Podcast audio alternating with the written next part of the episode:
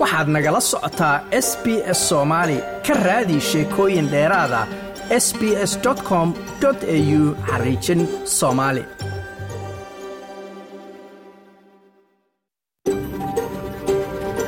SBS,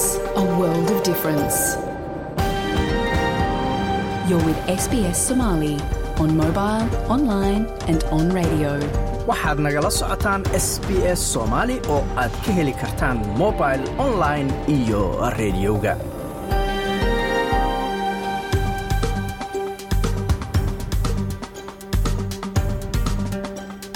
habeen wanaagsan dhammaantiinba meel kastoo aad joogtaan waa jimco bisha februaarina ay tahay lix iyo sannadka labada afarta. Halkaaad naga dhegaysanaysaanna waa laanta af soomaaliga ee idaacadda s b s oo si toos idinkaga imanaysa stuudiogaannu ku leenahay magaalada melbourne. Magacayguna waa xasan jaamac. Waxyaalaha aad idaacadda ku maqli doontaan caawana waxaa ka mid a waxay dhahaan childhood trauma yani trauma markuu dhibaato ku soo gaaro cabsi ah baqdin ah oo qofka naftiisa ku soo xaadira.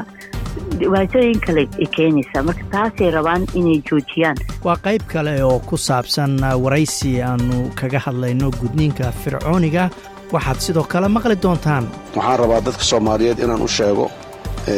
dhowaan waxaan safar ku tegayaa aniga iyo wafdi aan hogaaminayo magaalada cadis ababa xarunta midowda afrika. Meeshaas saddex shir oo aad iyo aad muhiim u ah ayaa ka jira. Waa wararkii soomaaliya. Marka horese wararka waxaa ugu waaweyn ugu yaraan afartan iyo afar guri ayaa ku burburay dab ka socda bomonal oo ku yaalla grambia national bark ee gobolkan victoria iyadoo laga cabsi qabo in tirada guryaha dabku baabi'iya ay sii kordhaan. Aasaasihii wikileaks julian assange ayay dhici kartaa in maraykanka loo gacangeliyo muddo asbuuc ka yar gudaheed. Haddii austreeliya ku guuldarraysta ayaa la yidhi inay tallaabo qaado sidaas waxaa sheegay dadka u dooda ninkan. Wararkaas iyo kuwo kale eed maqli doontaane u diyaar garooba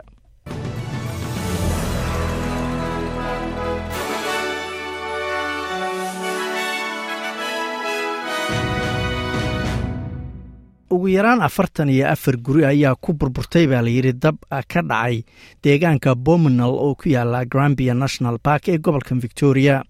Iyadoo weli laga cabsi qabo tirada guryaha dabku uu galaaftay inay intaasi ka sii bataan sidaa ay sheegtay premieradda gobolka victoria jasinda allen.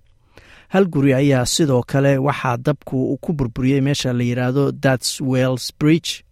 bomanal iyo darswells bridge dadka ee galbeedka gobolka victoria ayaa isu diyaarinayay inay guryahooda dib ugu noqdaan iyadoo khatarta heerka dabka hadda hoos loo dhigay. Emma kiely waa xildhibaano deegaanka laga soo doortay waxaana ay sheegtay in qiimayntii dhowaan la sameeyey ay muujinayso in tirada guryaha dabku burburiyey ee goobta la yidhaahdo bomanal ay aada uga badan tahay ama ay ka badan tahay tiradii hore la moodayey dowladda federaalk ee dalkan australia ayaa konton milyan oo dollar oo dheeraada siinaysa dalka ukrain iyadoo ku soo aadaysa sanad guradii labaad ee duulaankii ruushka uu ku qaaday dalkaasi. Lacagta ayaa qayb ka ah baa la yiri lacago caalamkao dhan looga aruurinayo dalka ukrain taasoo loo isticmaalayo siday ku heli lahayd qalab military iyo weliba hubka markaasi ay u baahan tahay. Ra'iisul wasaare antony albanise ayaa sheegay in australia ay mar walba garab taagan tahay dalka ukrain intay doontaba ha qaadatee hogaamiyaha mucaaradka dalkan australia peter dutton ayaa dhankiisa sheegay in lacagahan dheeraadka ay yihiin maalgelin la gelinayo amniga caalamka iyo weliba dimuqraadiyadda hogaamiyaha mucaaradka dalkan australia ayaa ka walaacsan xaaladda dhaqaale ee dalkan australia iyadoo shaqola-aantu ay korortay dalkan oo hadda gaartay afar dhibic hal boqolkiiba xafiiska tirakoobka dalkan australia ee a b s ta la yidhaahdo ayaa tirakoob shalay uu sii daayey waxaa lagu sheegay tirada dadka shaqola-aanta iyadoo dadka shaqola-aanta ay hadda kor u dhaafeen afar boqolkiiba taasoo ah markii ugu horreysay muddo laba sana bangiga dhexe ayaa isaguna saadaalinaya in shaqola-aantu ay gaari doonto afar dhibic afar dhammaadka sanadkan hogaamiyaha mucaaradka peter dutton oo la wareystay ayaa sheegay in laybarku u baahan yahay inuu howl dheeraada sameeyo si uu wax uga qabto ama u hagaajiyo dhaqaalaha guud ee dalkan australia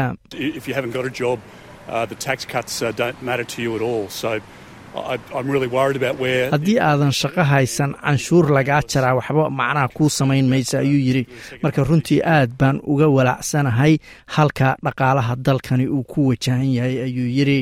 aasaasihii wikileaks julian assange ayay dhici kartaa baa layidhi in dalka maraykanka loo gudbiyo muddo asbuuc ka yar gudihiisa. Haddii australia ay ku guuldaraysato inay tallaabo qaado sidaas waxaa yidhi dadka u ololeeya ama u dooda ninkaasi. Waxaana uu ku dhiman karaa ayaa layidhi xabsi maraykan ku yaalla haddii taasi ay dhacdo.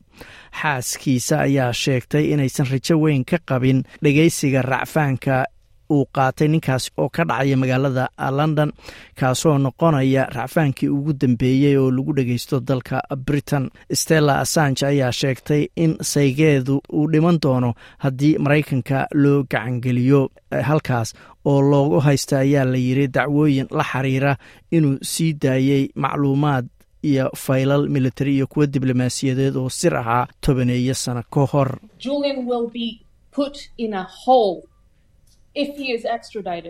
julian god ayaa la gelinayaabay tiri haddii maraykanka loo gacangeliyo taas shaki iigama jiro. waxaana la gelinayaa god hoose oo aad u qodan oo dhulka hoostiisa ilamana ah xataa inaan mar dambe arkayo ayay tiri aqalka wakiilada ee dalkan australia ayaa ansixiyey mooshin maalintii arbacada ahayd kaasoo lagu boorinayay dowladaha maraykanka iyo u k inay u ogolaadaan master assange inuu dalka australia dib ugu soo noqdo. In ka badan saddex meelood labo xildhibaanada ayaa tallaabadaasi taageeray iyadoo xisbiga laybarka xildhibaanada madaxa bannaan iyo mid ka mida xildhibaanada liberaalku ay gebi ahaanba taageereen mooshinkaasi sarkaal sare oo ka tirsan wasaaradda arrimaha dibadda ayaa sheegay in dadka dhaliilsan hay'adda unra ee qaramada midoobey ee gargaarta qaxootiga falastiiniyiinta ay ka badbadiyeen eedo loo soo jeediyey hay'addaasi oo la sheegay inay si xun u maaraysay howlaheeda. Sababtoo ah ayaa la yidhi waxa ay doonayeen in hay'addan gebi ahaanteedaba la kala diro bishii la soo dhaafay ayay australia waxa ay ku biirtay dalal kale oo hakiyey maalgelintii la siin jiray hay'addani iyadoo la baarayay eeda loo soo jeediyey oo ku aadan habdhaqan xun. Halka wararkii ugu horreeyey lagu sheegay in soddon ka mida shaqaalaha hay'addaasi ay ku lug lahaayeen dagaalkii israa'iil toddobadii oktoobar lagu qaaday. Hadda waxaa soo baxday in in tiradaasi ay ahayd kalabar tiradii horeo la sheegay sida laga soo xigtay kaaliyaha xogayaha arrimaha dibadda mark ines brown oo isagu la hadlayey dhegeysi sanadka ka dhacay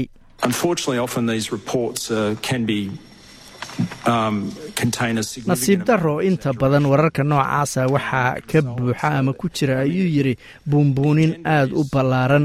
Ajendaha laga leeyahayna wuxuu ahaa mid aad loo ogaa oo ah in hay'adda unra gebigeedaba la kala diro ayuu yidhi dhanka kalena dhakhtar falastiina ayaa muuqaal uu soo duubay waxa uu la wadaagay caalamka waxaana uu ka soo duubay cisbitaalka naasir oo ku yaalla koonfurta khaza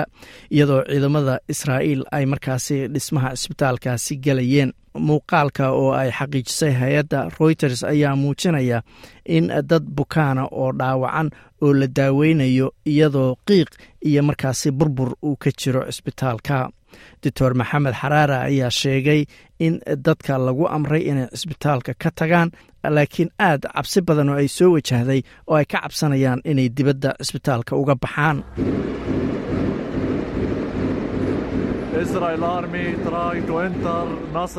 Ciidanka israa'iil ayaa isku dayaya inay soo galaan cisbitaalka naasir hadda ayuu yidri ciidanka israa'iil waxa ay ku khasbayaan dadkayga inay cisbitaalka ka baxaan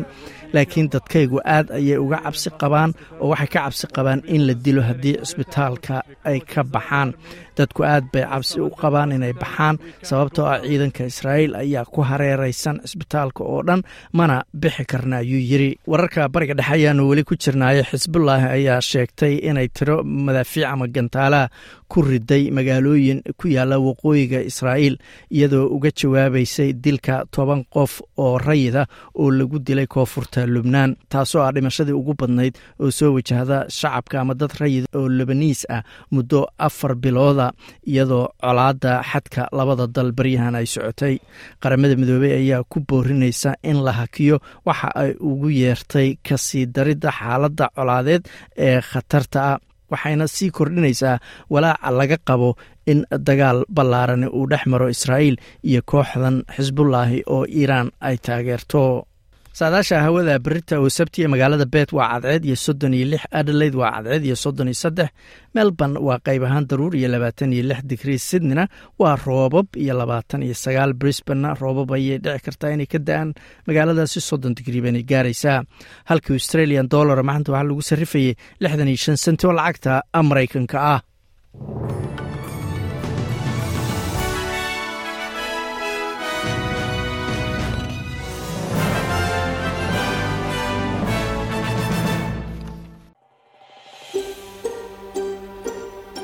ma doonaysaa sheekooyinkan oo kale ka dhegayso apple podcast google podcast spotify ama meel kasta oo aad bodkastigaaga ka hesho